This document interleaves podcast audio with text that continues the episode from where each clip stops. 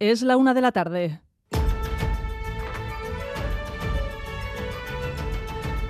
Crónica de Euskadi con Irache Ruiz. Es la una de la tarde y es 23 de febrero, la víspera del primer aniversario desde que Putin decidiera invadir Ucrania. Radio Euskadi les está informando desde el terreno desde primera hora de la mañana. Borodianka, cerca de Kiev, es una de las localidades que el ejército ruso golpeó con mayor dureza. El jefe de informativos de Radio Euskadi, Dani Álvarez, ha recorrido sus calles. Conectamos ya en directo con él. Dani, ¿qué te has encontrado y qué sensaciones os transmiten allí los vecinos? Arracha León. A Rachaldeón, pues eh, Ucrania y este pueblo de Borodianka encaran este primer aniversario de la invasión con una sensación de creciente normalidad. Se ha retomado el trabajo, se ha retomado el ocio y se encara la reconstrucción de zonas como esta en las que los rusos arrasaron prácticamente con todo. Aquí pasaron con el propósito de no dejar rastro de vida. Por disparar, dispararon hasta la cabeza de una estatua, la estatua que se le dedica en el centro del pueblo al poeta y artista Shevchenko, que es el símbolo de la cultura ucraniana. Eso sí, en días tan simbólicos, nadie se fía y están todos pendientes de las alertas antiaéreas. Creen que a Putin le encantan estas fechas con peso histórico y eso podría llevarle a una segunda ofensiva a gran escala. No olvidemos que hoy es el día de los defensores de la patria en Rusia. Pero de momento, un día más, un día normal, con la vista puesta en el aniversario redondo que es mañana. Eso en directo desde Ucrania. En unos minutos volveremos a contactar contigo, compañero. También con Miquel Ayestarán, que está a solo 30 kilómetros del frente de guerra. Y en Don Iván Eloitzune, consternación y luto después de que ayer un estudiante de 16 años apuñalara mortalmente a su profesora. Hoy no hay clase en el Liceo Santo Tomás de Aquino, pero un equipo de psicólogos está atendiendo a los jóvenes. Última hora, Andoni Liceaga.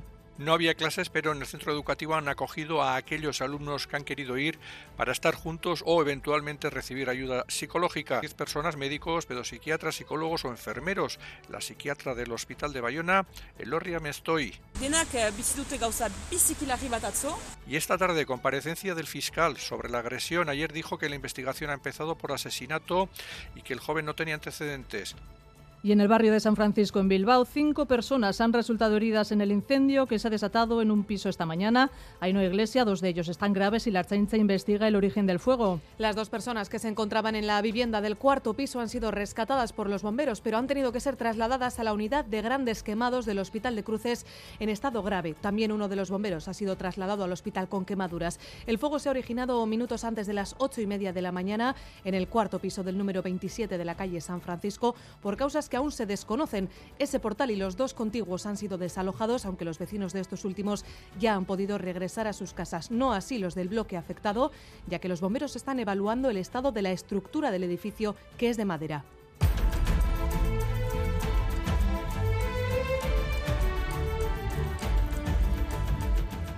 Y actualizado el cupo para los próximos cinco años, el Congreso de los Diputados acaba de aprobar asimismo la modificación del concierto y el convenio navarro. Una nutrida representación de las instituciones vascas han asistido al Pleno.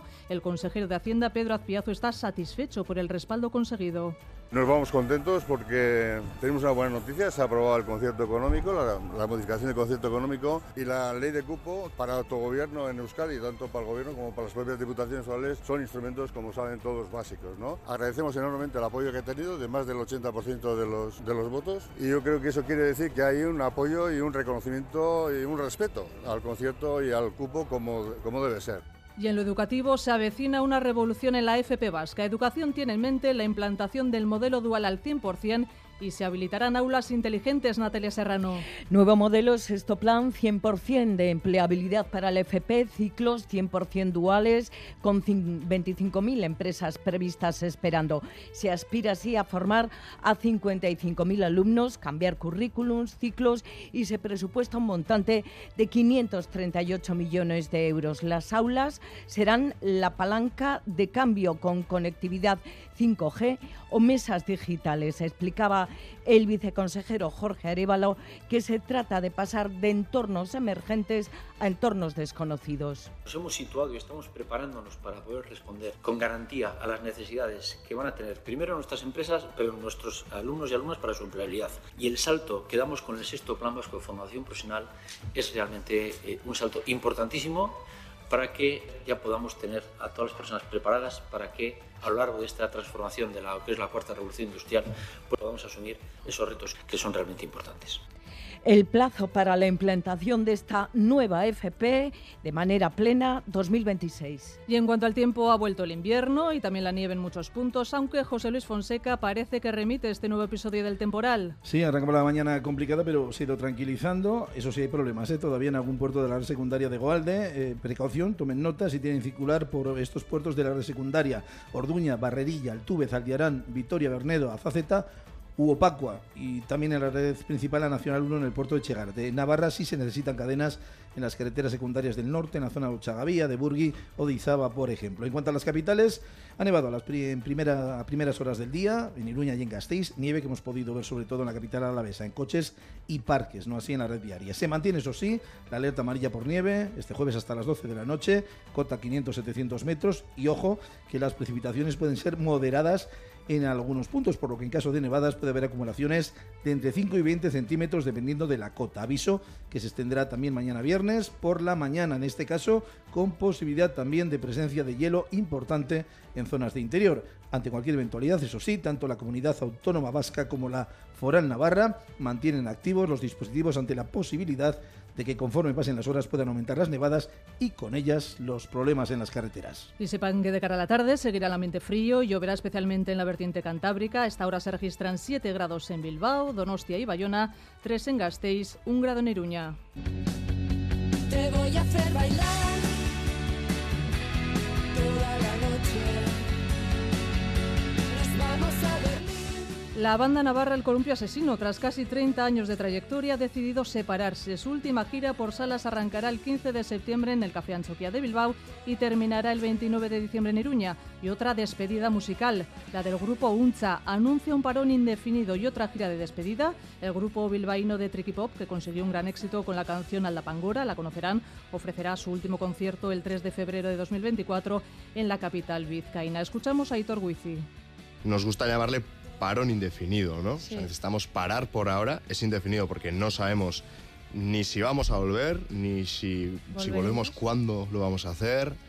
Entonces, ¿lo deja? Pues sí. ¿Hasta cuándo? No sabemos. ¿Para siempre? Pues no sabemos. O sea, como el motivo es que necesitamos descansar, pues cuando estemos descansados no sabemos lo que va a pasar. Y de la música al deporte, ¿qué titulares nos deja este jueves Álvaro Fernández Cadierno? A Rachaldeón con muchos protagonistas, Sola en la Real, Paredes y Dani García en el Athletic, Villalibre en el Alavés. A todos les escucharemos a las 2 y cuarto. También estaremos pendientes del sorteo de Copa en el que Vera Vera va a conocer a su rival. Además, se ha presentado en Durango la Women Winter Series de cesta y se acaba de dar a conocer la lista de atletas para el Europeo de Pista Cubierta de Estambul, con Asier Martínez en vallas, Iker Arocena en longitud y, y Markel Fernández en 4x400. Raúl González y José Ignacio Revuelta en la dirección técnica y Chiber la coordinación de esta crónica de Euskadi que comenzamos ya. Radio Euskadi en el primer aniversario de la guerra de Ucrania.